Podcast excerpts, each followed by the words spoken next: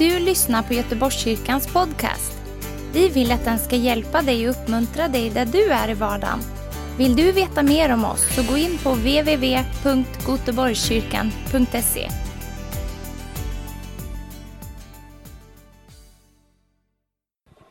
En plog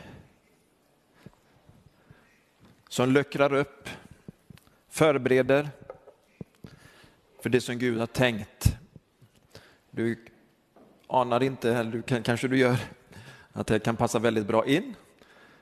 Därför när Paulus talar så säger han just de här orden ifrån Jesaja 6. Att man kan höra men ändå inte höra.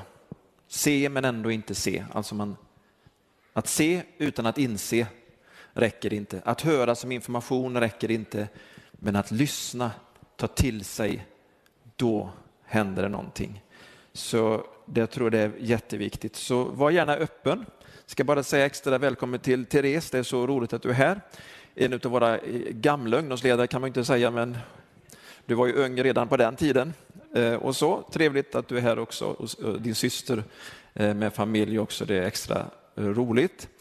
Du var en väldig välsignelse och jag ska inte berätta i detalj om när vi körde på kapp här i stan, för att det är preskriberat nu. Men eh, Therese vann i alla fall med stor glädje. Så vi har ju olika passioner här i livet. Eh, jag tror att eh, den här resan som avslutades förra gången, det var strapatser. Och nu blir ju allt lugnt och skönt. För visst är det så i livet. När man har gått igenom en storm, då tror vi att nu har vi automatiskt beskydd från alla attacker. Men tyvärr, tyvärr, tyvärr det blir värre. Ja, det var hemskt att säga så. Men efter att det blir värre så blir det bättre. Så nu undrar ni var i hela världen ska det landa? Det är lika bra att vi går direkt till Apostlagärningarna 28. Och det är så många som önskar att vi ska fortsätta i Apostlagärningarna 29. Och jag gläder er nu och säger det ska vi göra. Och 30. Och jag vet inte vilket kapitel det är nu, men jag hoppas att det är flera miljoner kapitel skrivna när det gäller den heliga andes gärningar. Men här i bibelboken så finns det kapitel 28 och det slutar precis som att det bara ska fortsätta. Eh, och det är väldigt härligt. Herren Jesus Kristus blev förkunnad. Han förkunnade Herren Jesus Kristus utan att bli hindrad. Det lät väl bra? Så det här ska vi ha i våran bön. Nu ska vi läsa 28. Och eh, jag vet att eh, en del har missat en eller två eller kanske 15 predikningar. Det finns ännu fler. Eh, och eh, Bosse har lagt upp det här i en väldigt fin ordning så det finns på hemsidan. Så du kan se de olika kapitlerna och så kan du gå in och så kan det finnas flera predikningar på varje kapitel eh, naturligtvis. Om du undrar vad som händer sen, nästa söndag, så blir det Apostlagärningarna fast mer reaktion, för då kommer Per och Abbi Åkvist hit. Eh, och det är, det är mycket under, det är mycket tecken, det är mycket inre helande och yttre helande. Så eh, ni får bara inte missa den, eh, deras eh, berättelse och den förkunnelsen. Och perfekt att bjuda med. Kreti och pleti, om ni förstår vad jag menar. Vem som helst som bara vill höra att det finns en levande Gud och bli inspirerad för mission. Inte bara i Etiopien utan också här på hemmaplan. För nu bor de ju i Sverige och verkar som missionärer också på hemmaplan och i Etiopien. Halleluja! Men sedan vi hade blivit räddade fick vi veta att ön hette Malta. Om du får texten här bakom mig så har jag ju en lite äldre översättning så det kan bli lite olika ord men det är samma bibel. Eh, eh, bibel är det i alla fall, från Bibeln är det i alla fall. Och så står det barbarerna visade oss en ovanligt stor vänlighet. Eh, infödingen alltså. Bar, vi, jag vet inte om ni har hört, har ni hört uttrycket barbarer? Ja, romarna och grekerna tyckte att alla som inte var romare och greker, de var barbarer. Därför att när de pratade så bla bla bla bla bla bla bla. Det lät ungefär som någon härmade en öbo. Eh, förlåt mina ökamrater, men vi är ju på en ö här nu. Så nu, nu är det på ön Malta och de kallar dem för barbarer, men det är infödingar, inte för att det är ett finare ord. Eh, men eh, så står det i alla fall. Det infödda, infödda visar oss en ovanligt stor vänlighet. Visst är det härligt? Tänk att vara med om en sån fruktansvärd storm, vara så frusen, vara så totalt utschasad och mötas av vänlighet. Visst betyder det mycket när någon kommer med vänlighet, när man är riktigt, riktigt eh, kall, trött, hungrig, grinig. Det betyder mycket. De tände en eld och tog hand om oss alla eftersom det började regna och var kallt. Nu är det bra. Nu känns det som att allt är bra. I flera timmar är det bra. Njut av timmarna då allt är bra. Njut av dem. För Paulus, han, han är med. Vet du, man kan tänka sig att Paulus var sån att han hade ju liksom nästan blivit som en kung där på fartyget. Han tog över eh, befälet. Han var ju liksom den eh, verkliga ledaren till slut, fast han var fånge. Så eh, gör man upp eld och Paulus är naturligtvis med och samlar grenar och kvistar och har liksom famnen full och liksom bara lägger det här på elden. Men när han är där liksom, så kommer den här ormen. Och den här ormen står det så här, eh, hade just samlat ett fång och lagt på elden då en höggorm kom ut på grund av hettan, högg sig fast i hans hand. När de infödda såg ormen hänga fast vid hans hand alltså barbarerna, sa de till varandra. Den där mannen är utan tvekan en mördare som rättvisans gudinna inte låter leva, även om han har räddats ifrån havet. Det som händer är att efter stormen så kan en orm komma. Förlåt att jag säger det, men jag måste ju få säga det att när vi slappnar av och tror att den onde har blivit barmhärtig, då är vi lurade. Efter en prövning, när vi är svaga, när vi inte är riktigt på alerten, så kan det komma någonting som är ännu värre. Men hur vi reagerar när den här attacken kommer blir livsavgörande för vår framtid. Så jag säger inte att attackerna kommer att sluta. Jag säger att du kan övervinna attackerna. Jag säger inte att stormarna kommer att sluta. De kommer att komma på olika sätt. Men du kan övervinna stormen och ha frid i stormen. Men hur ska man kunna övervinna när det kommer en sån fruktansvärd attack? Så att de människorna som står utanför, som har hört den här fantastiska berättelsen, det står inte att de som var med på båten Eh, tänkte liksom eh, onda tankar eller ödets tankar. De hade liksom förstått att Paulus var en gudsman. Men de här barbarerna, de här infödda, så står det, när de såg, vers 4, ormen hänga fast vid hans hand, sa de till varandra. Den där mannen är utan tvekan en mördare som rättvisans gudinna inte låter leva. Alltså här kommer det här, eh, här religiösa medvetandet som finns i nästan varje människa. Idag så säger var och varannan, det är karma. Känner ni igen det? Det är lånat ifrån hinduismen. Man tänker liksom att om det som du gör, det är orsak och verkan. Om du gör någonting, ja, då blir det en konsekvens av det. Och det är ju inte så konstigt, det är klart att det blir konsekvenser. Men hur den konsekvensen blir, eller vem det är som avgör i slutändan, är väldigt viktigt att veta. Annars lever vi i en religiös flömvärld. Annars så tror vi på någonting som är ockult, någonting som är falskt. Vi tror inte på karma, vi tror på Guds försyn. The providence of God. Att det är Gud som i sin hand för oss till målet när vi ger våra hjärtan till honom. Men om vi inte ger våra hjärtan till honom och liksom låter bara, ja men det är ödet, då blir det väldigt meningslöst, det blir väldigt flummigt. Och vi kan, så, som någon säger karma, så här, det finns något bättre än karma. Det finns Guds försyn. Och någon säger, ja, Gud straffar somliga med detsamma. Ja men hallå, hallå, vem är du att döma det? Har ni hört de här uttrycken? Är det bara jag som hör de här uttrycken?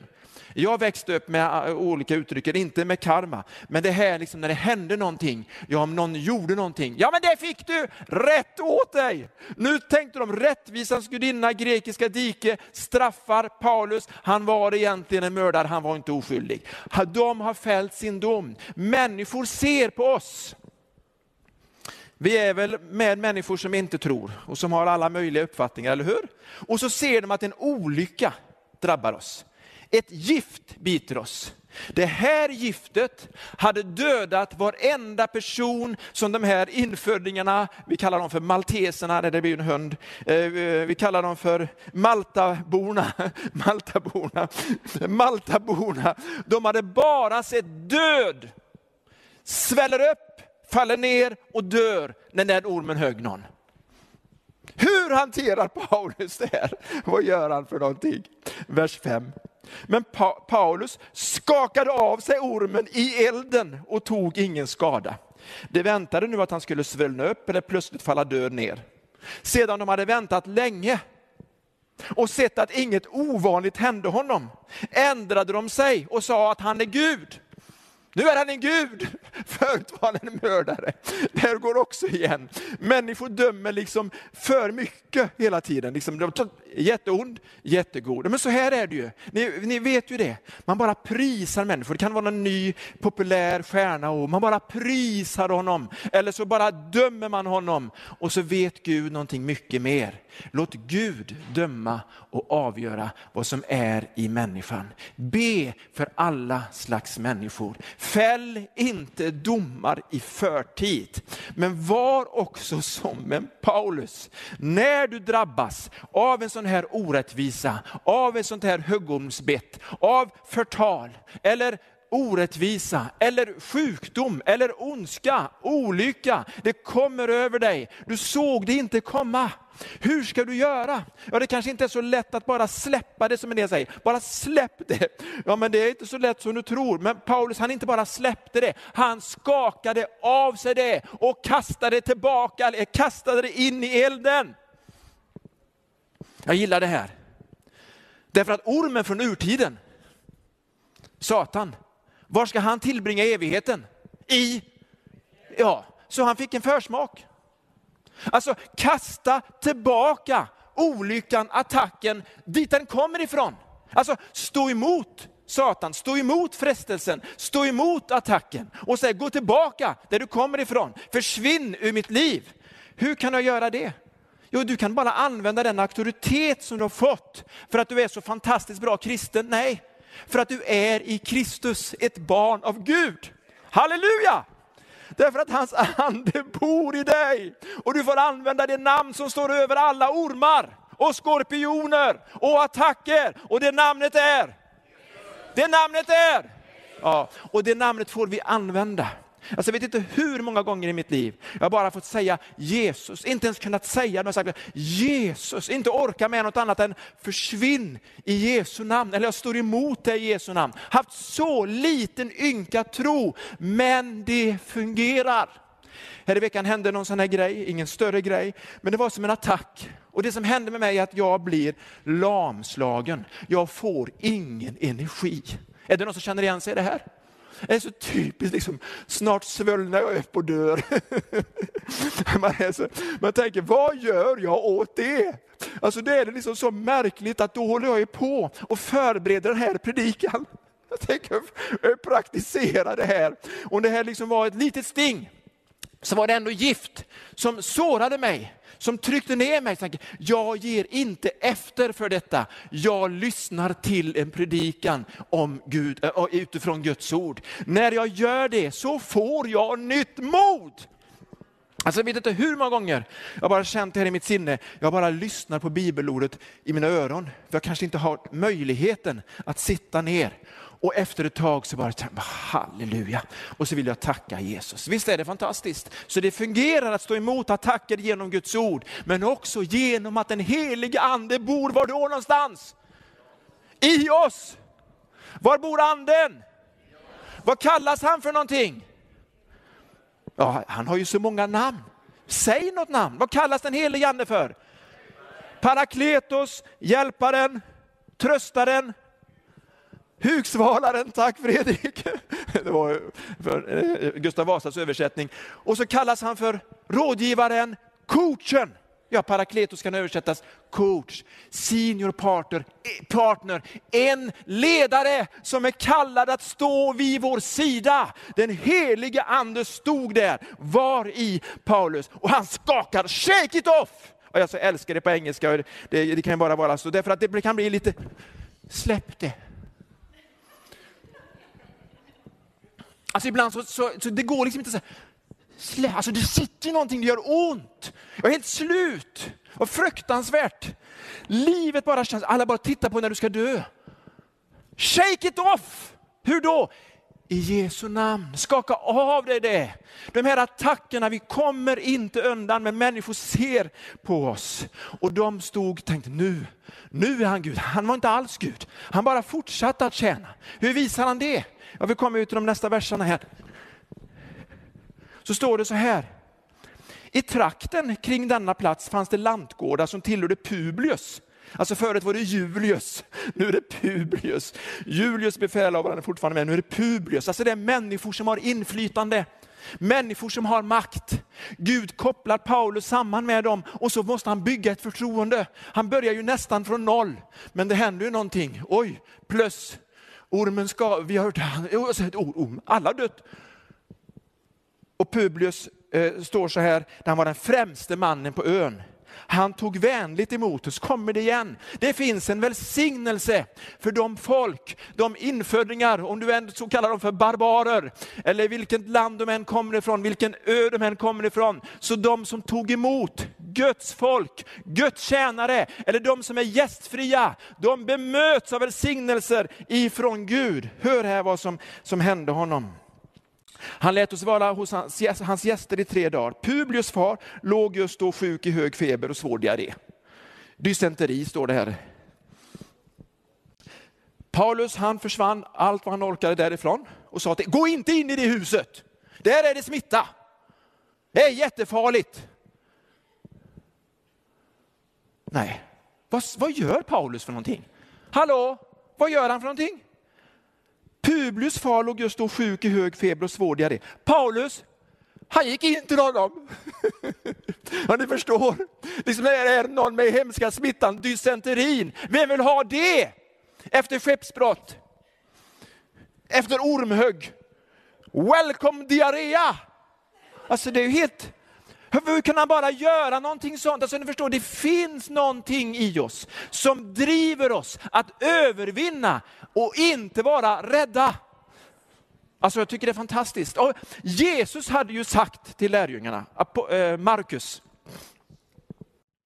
kapitel 16, vers 18, att om ni, om ni tar en orm i händerna så ska det inte skada er.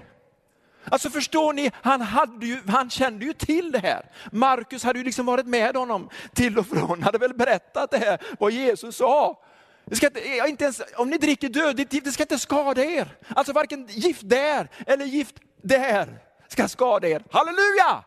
Inga onda ord ska skada er. Inga onda handlingar ska skada er. Woo! Ja, halleluja. Men nu så handlar det om att lägga händer på de sjuka och de ska bli friska. Var står det någonstans? Markus 16, 18, 19 och så vidare. Och det är det som Paulus praktiserar. Han bara fortsätter. Därför Paulus tycker inte, nu är jag framme, jag har nått målet, nu ska jag bara ha goda dagar och nu ska jag bara njuta här och undvika alla faror och alla sjukdomar och alla olyckor och alla onda djur och alla knepiga, konstiga, knäppa människor. När han går in där och vad gör han? Han ber.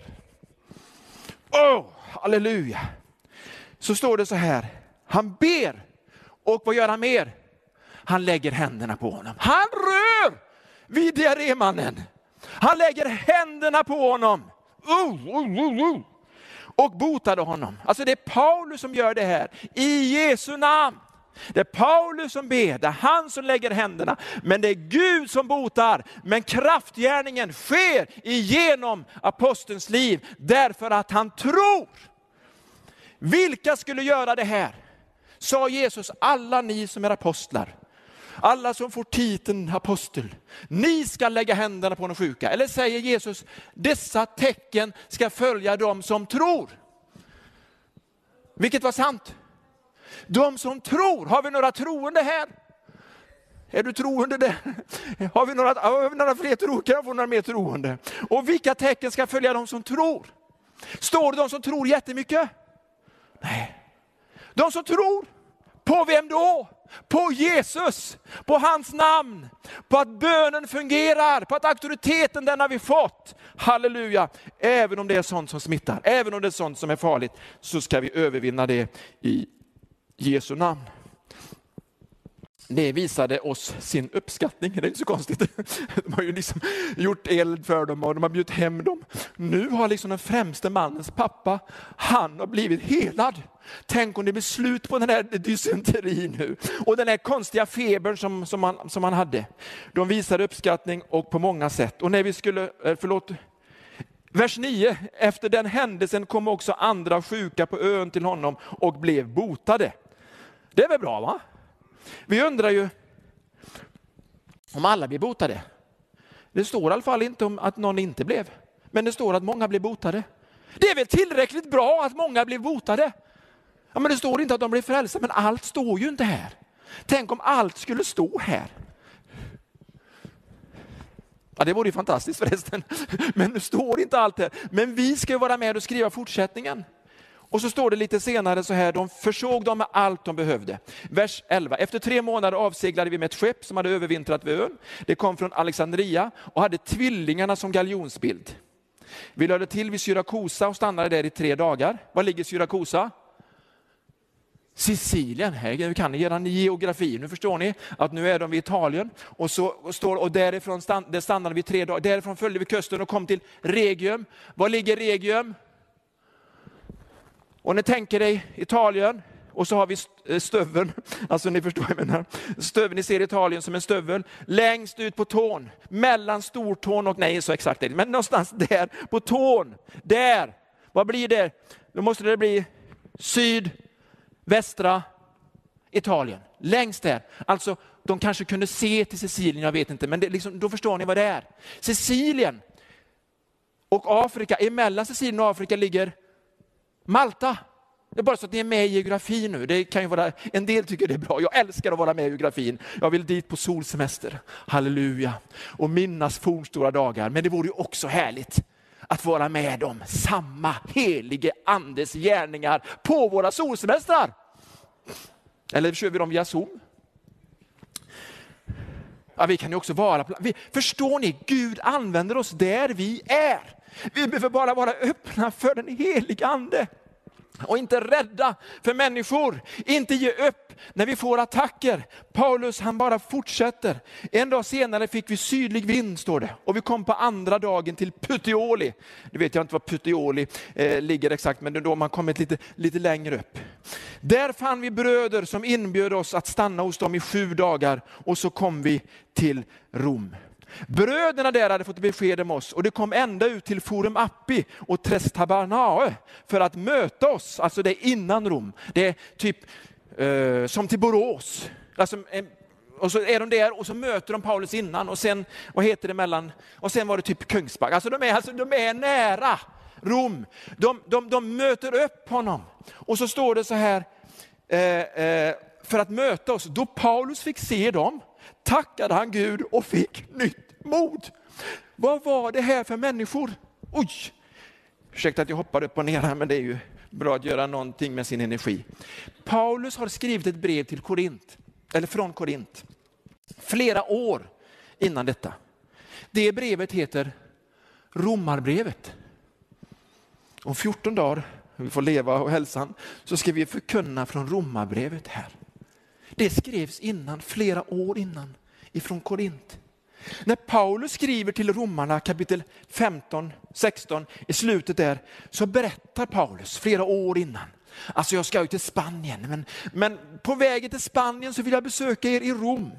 Och så står det att han liksom ber för mig också, att de tar emot den här gåvan och ber att jag beskyddas ifrån de som vill döda mig. Alltså flera år innan det här. Och så tror han, när han står så här, eh, eh, eh, Romarbrevet 15 och 29, jag bara säger det här för det är så intressant. Jag vet att när jag kommer till er så kommer jag med Kristi välsignelse i följt mått. Wow! I början av Romarbrevet, jag kommer med en andlig gåva. Det kunde översättas karisma. Jag kommer med en smörjelse. Jag kommer med en nådegåva till er i Rom. Det fanns tusentals kristna i Rom. Paulus har inte ens varit där, men han har så många vänner. Hur kunde det ske? Förmodligen var det så att när anden föll på pingstdagen så var det många från Rom som tog emot anden. inte bara liksom frälsning utan anden och förkunnade så att det var inte så att man kan tänka sig den första, som hör, den första liksom hedningen som blev frälst, det var den och den. Det är ju den berättelsen vi läser i Apostlagärningarna. När Cornelius gjorde det och den gjorde det. Men vi förstår ju att evangeliet det spreds genom de första kristna som blev fyllda av den helige ande, som var liksom och hämtade och gick tillbaka dit de bodde. Och vad var det här för människor? Ja, det står i Romarbrevet kapitel 16. Det var sådana härliga människor som Priska och Akvila. Bodde de där? Ja, de bodde där. Och sen var det också sådana som Epenetus och Maria, Andronikus, Junias, Örban var där också, Urbanus var där. Till och med Narcissus familj. Jag vet inte hur det var med dem, vi får hoppas att de var frälsta och helgade. De tillhörde Herren, Tryfena och Tryfosa och Persis. Ni hör ju själva var Persis kom ifrån. Eller vad man tror. 29 personer nämns med namn. Förmodligen många av de här personerna kom lite tidigare. Ja, vi åker en, en, två, tre, fyra, fem, sex mil med tåg när de promenerade. Apostlahästarna. De gick bara för att de skulle möta Paulus. Vad gör Paulus då? Han blir helt till sig. Han får nytt mod. Han ser de här människorna som han haft brevkontakt med, som han har arbetat och tjänat tillsammans med. Och han är så glad. Men han trodde att han skulle få komma till Rom på vägen till Spanien. Han trodde att han skulle få komma dit och vila ut. Förlåt att jag skrattar. Alltså, det är ju egentligen ganska så hemskt, tycker ni inte det? Att Gud leder oss på strapatser och äventyr och vi går. Och vi tror att vi ska få goda, glada, härliga dagar, för det har någon profeterat. Alltså, vi får goda och glada och härliga dagar, men också prövningar och motstånd och attacker. Men Herren är också med i attacken i motgången, i prövningen. Dessa ord ska vi trösta varandra med och styrka varandra med. Därför att vi har en som har kommit för att ge oss liv och liv i överflöd. Men också en som vill ta mösten ur oss, som vill ta livet ur oss. Honom ska vi stå emot. Halleluja! Vad gött att jag har Bibeln med mig här nere så jag kan fortsätta här. Nu undrar jag varför jag går ner här. Det är inte bara för att jag vill komma närmare er, det är för att jag blev så grymt bländad där uppe och det eh, eh, är jobbigt i längden. Jag läser vidare, så står det så här, vad som hände sen. Tack Jesus. Bröderna där hade fått besked och så vidare och Paulus fick nytt mod. Sedan vi hade kommit fram till Rom fick Paulus tillåtelse att bo för sig själv tillsammans med den soldat som skulle bevaka honom. Tre dagar senare kallade han till sig de ledarna bland judarna och när de var samlade sa han till dem, bröder, trots att jag inte har gjort något som kunde skada vårt folk eller våra seder från fäderna, blev jag fängslad i Jerusalem och utlämnad åt romarna. Sedan de hade förhört mig ville de frige mig eftersom jag inte var skyldig till något som förtjänade döden. Men då judarna satte sig emot det blev jag tvungen att vädja till kejsaren. Dock har jag inte någon anklagelse mot mitt folk. Det är därför jag har kallat er hit för att träffa er och tala med er. Eftersom det är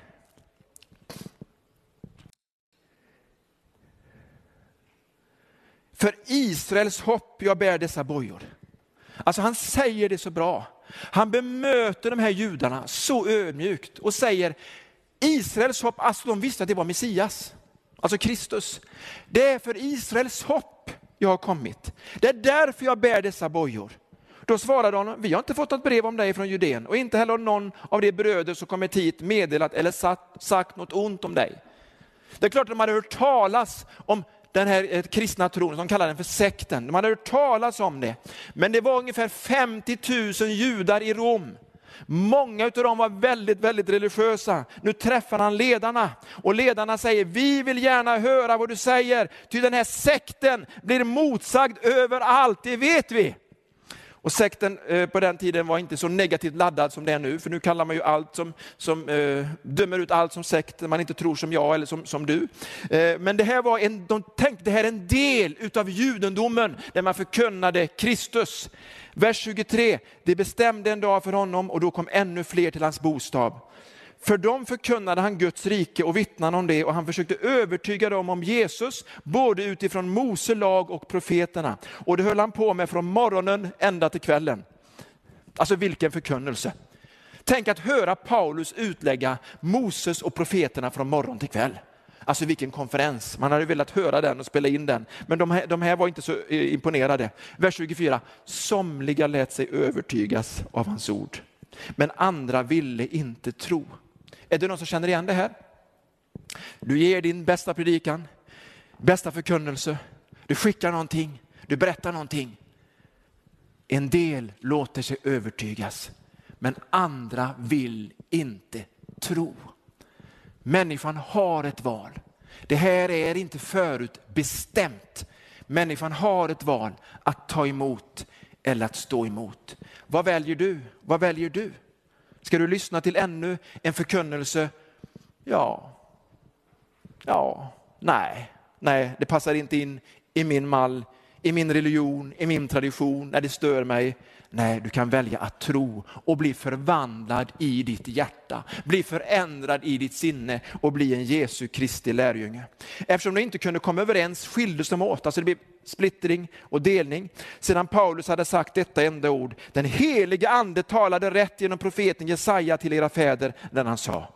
Och nu kommer han med ord som man har hört så ofta, som alla älskar att citera, men som man inte förstod gällde dem. Gå till detta folk och säg, även om ni hör skall ni inte förstå. Även om ni ser skall ni inte inse. Ty detta folks hjärta är förstockat, alltså stängt, hårt.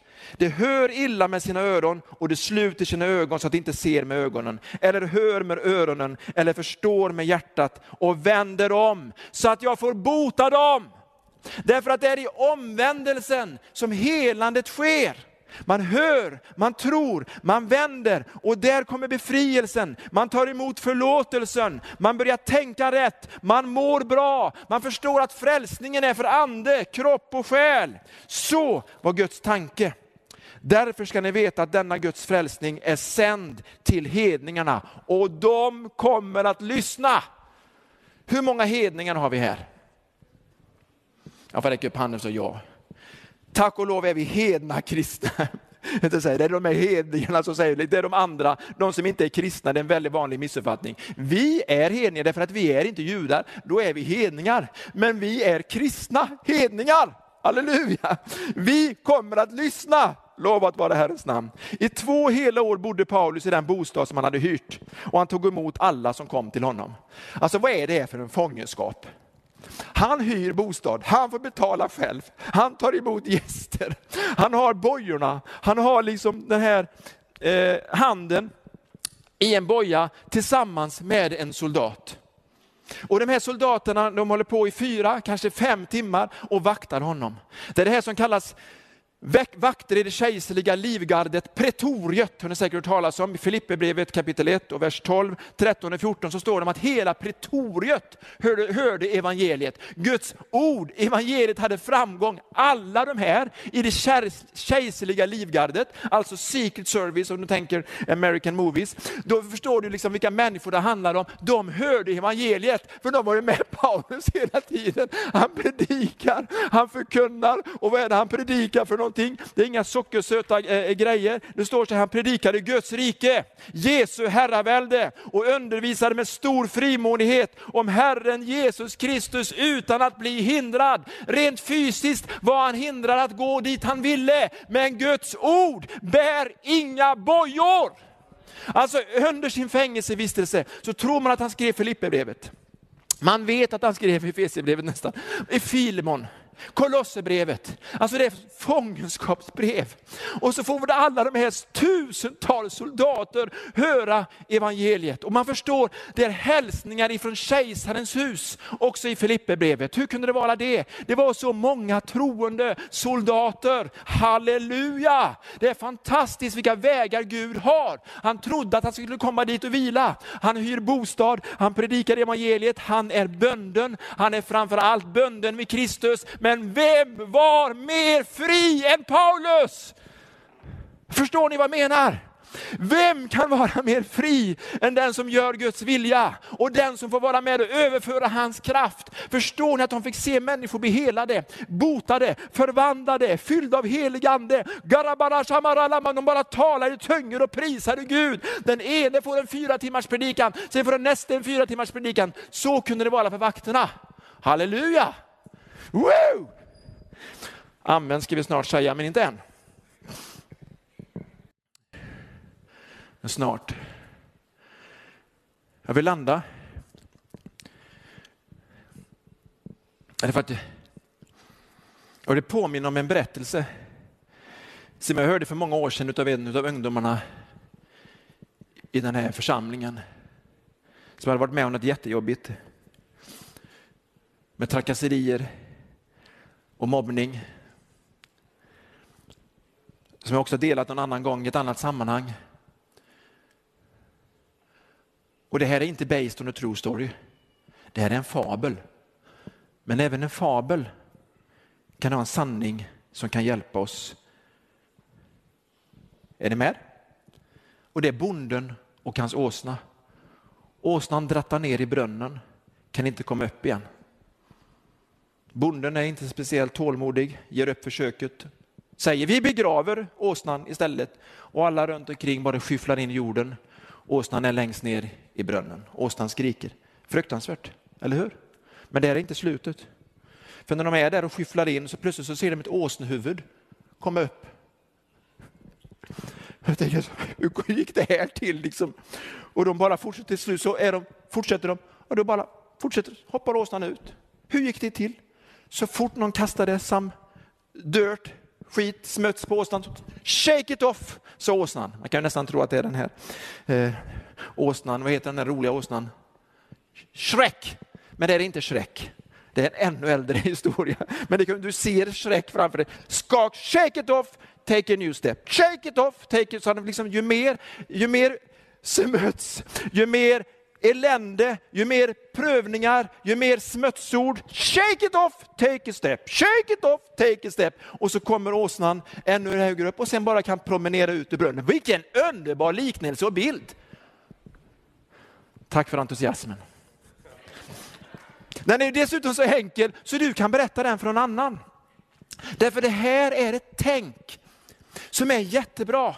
För vi bemöts alla utav kritik ursäkta ordet, skitprat. Vi bemöts alla utav jobbiga saker. Sånt som är smuts, som kastas på oss, som vi inte tar emot. Shake it off! Take a new step. Och ju mer det kommer så kan vi räddas ur brunnen. Halleluja! Yes, sa åsnan. Jag tror att det här är någonting som vi ska be för. Och vi ska, vi ska stå upp, vi ska landa här, lovsången ska komma fram. Och jag säger hej då till TV Vision Sverige och säger att sändningen fortsätter i Facebook. Eh, Göteborgskyrkan.se, då kan du följa där. Har det gått så länge, Guds välsignelse över er. Och medan lovsångarna kommer upp här så vill jag nog först och främst tala till dig som har varit med om en sån här olycka. Eller ta från förra söndagen, storm. Där du bara genom ett profetiskt ord förstår att du ska gå vidare. Samme Paulus skrev i Filipperbrevet, jag lämnar det som ligger bakom mig. Jag sträcker mig mot det som ligger framför. Jag löper mot det målet som är framför. Därför att vi ska inte stå still. Vi ska inte bli förlamade av fruktan eller rädsla utan vi ska skaka av oss det. Jag tänker du, jag är inte som Paulus, men du har samma heliga ande som Paulus. Nej, men jag är inte så stark som Paulus. Du har samma Guds ord och samma löfte som Paulus fick. Alltså om du tar en orm i handen så ska det inte skada dig, inte ens dödligt gift ska skada dig. Du har samma heliga ande som Paulus inom dig som kan lägga händerna på de sjuka. Du har samma heliga ande inom dig som gör att du kan skaka av dig det. Så shake it off! Ska vi göra sån här? Om det inte gäller dig så kan det gälla någon som är nära dig i din familj. Så bara säg, men shake it off! Come on, shake it off! Shake it off! Alltså skaka av dig det i Jesu namn. Jag vet inte hur många gånger det här har hjälpt mig det här tänket. Men också det här att när jag hör och inte följer, att hjärtat hårdnar. Jag lyder inte. Jag vill ha ett nytt tilltal, jag vill ha en ny välsignelse, men det fastnar inte. Det klibbar inte ens. Men om du börjar ta emot Guds ord, om du omvänder dig, om du gör vad Herren först sa till dig, så kommer Guds ande att börja flöda för dig igen. Alltså det, kan, det, hjälper inte att du får ytterligare information, ytterligare en profetia över ditt liv, ytterligare en predikan, utan att du vänder till Gud och säger till honom, jag, jag vänder, jag gör rätt, jag vänder, jag lyder dig, jag följer dig. Jag ber Gud, jag tackar dig Gud för förlåtelsen, för friden, att din vilja ska ske i mitt liv. Ske inte min vilja, inte min agenda, utan din agenda Gud. Jag vänder ifrån det tänket. Jag går in i det som är din plan, i det som är din kallelse. För du har också ett Rom. Du har också en, en destination, en bestämmelse från Gud, där du ska göra en väldigt stor skillnad. Du är inte framme än, ja du har fått ett hugg. Men du är inte framme än, så skaka av dig det. Du ska vidare. Du ska fram! Du ska in i mål! Du ska in i mål! Wow! Tillsammans ska vi in i mål. Säger det här därför att det talar så också mycket in i mitt liv. Så många gånger har jag blivit hjälpt utav profetiska budskap. Utav människor som har stannat till, talat in i mitt liv. Men framför allt genom den dagliga bibelläsningen. Genom den förkunnelse som jag hör när människor talar under den helige andes smörjelse och det händer någonting i mitt sinne och jag bara kickar igång igen och så bara känner nu ska jag betjäna, nu ska jag be för någon mer, nu ska jag vittna för någon mer. Vill du vara med mig på den här resan? Vill du vara med ända till Rom? Vill du vara med ända in i mål? Eller vill du bara tycka synd om dig själv? Önska att du kan få något mer att klaga och gnälla över. Nej, bort det i Jesu namn. Var inte heller någon som bara ser på hur du går för andra, för Gud har en plan med ditt liv. Kimara hishima hitero lovonda.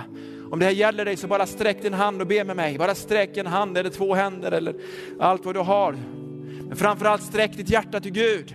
Sträck dig till Gud. Fader, jag ber. Jag ber tillsammans med alla som räcker sina händer nu, alla som sträcker sina hjärtan nu, alla som hänger sig till det som är din vilja och som är din plan, som har bestämt sig för att skaka av det som är gift ifrån Satan, skaka av sig det som är attacker och stå dem emot. Jag ber Fader i Jesu namn om helig ande i överflöd, så att också vi kan lägga händerna på de sjuka, så att också vi kan predika riket om ditt herravälde och förkunna om Jesus, Guds son och göra det utan att bli hindrade. Halleluja, halleluja.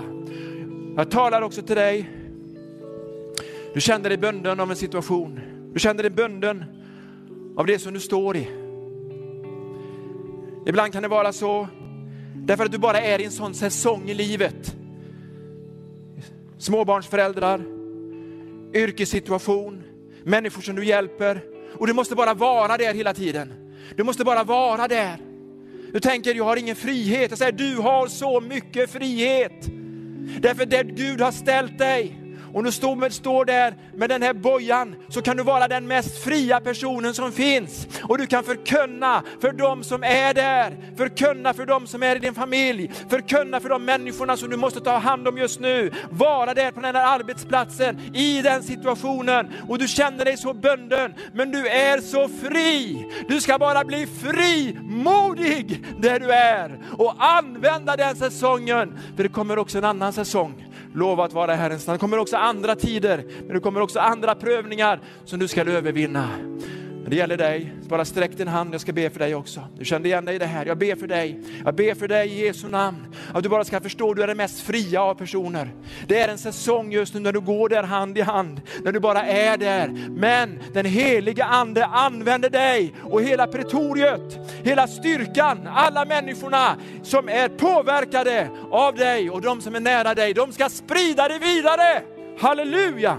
I den skola, i det arbete, i den familjesituation som du är just nu i Jesu namn. Amen. Tack för att du har lyssnat. Dela gärna podden med dina vänner och glöm inte prenumerera. Om du har frågor eller vill att vi ska be för något så mejla oss på info På söndagar har vi veckans höjdpunkt. Då firar vi gudstjänst tillsammans och det vore så kul att träffa dig där. Men vi har även samlingar för barn då? Gå in på vår hemsida goteborgskyrkan.se så får du veta mer. Välkommen till oss!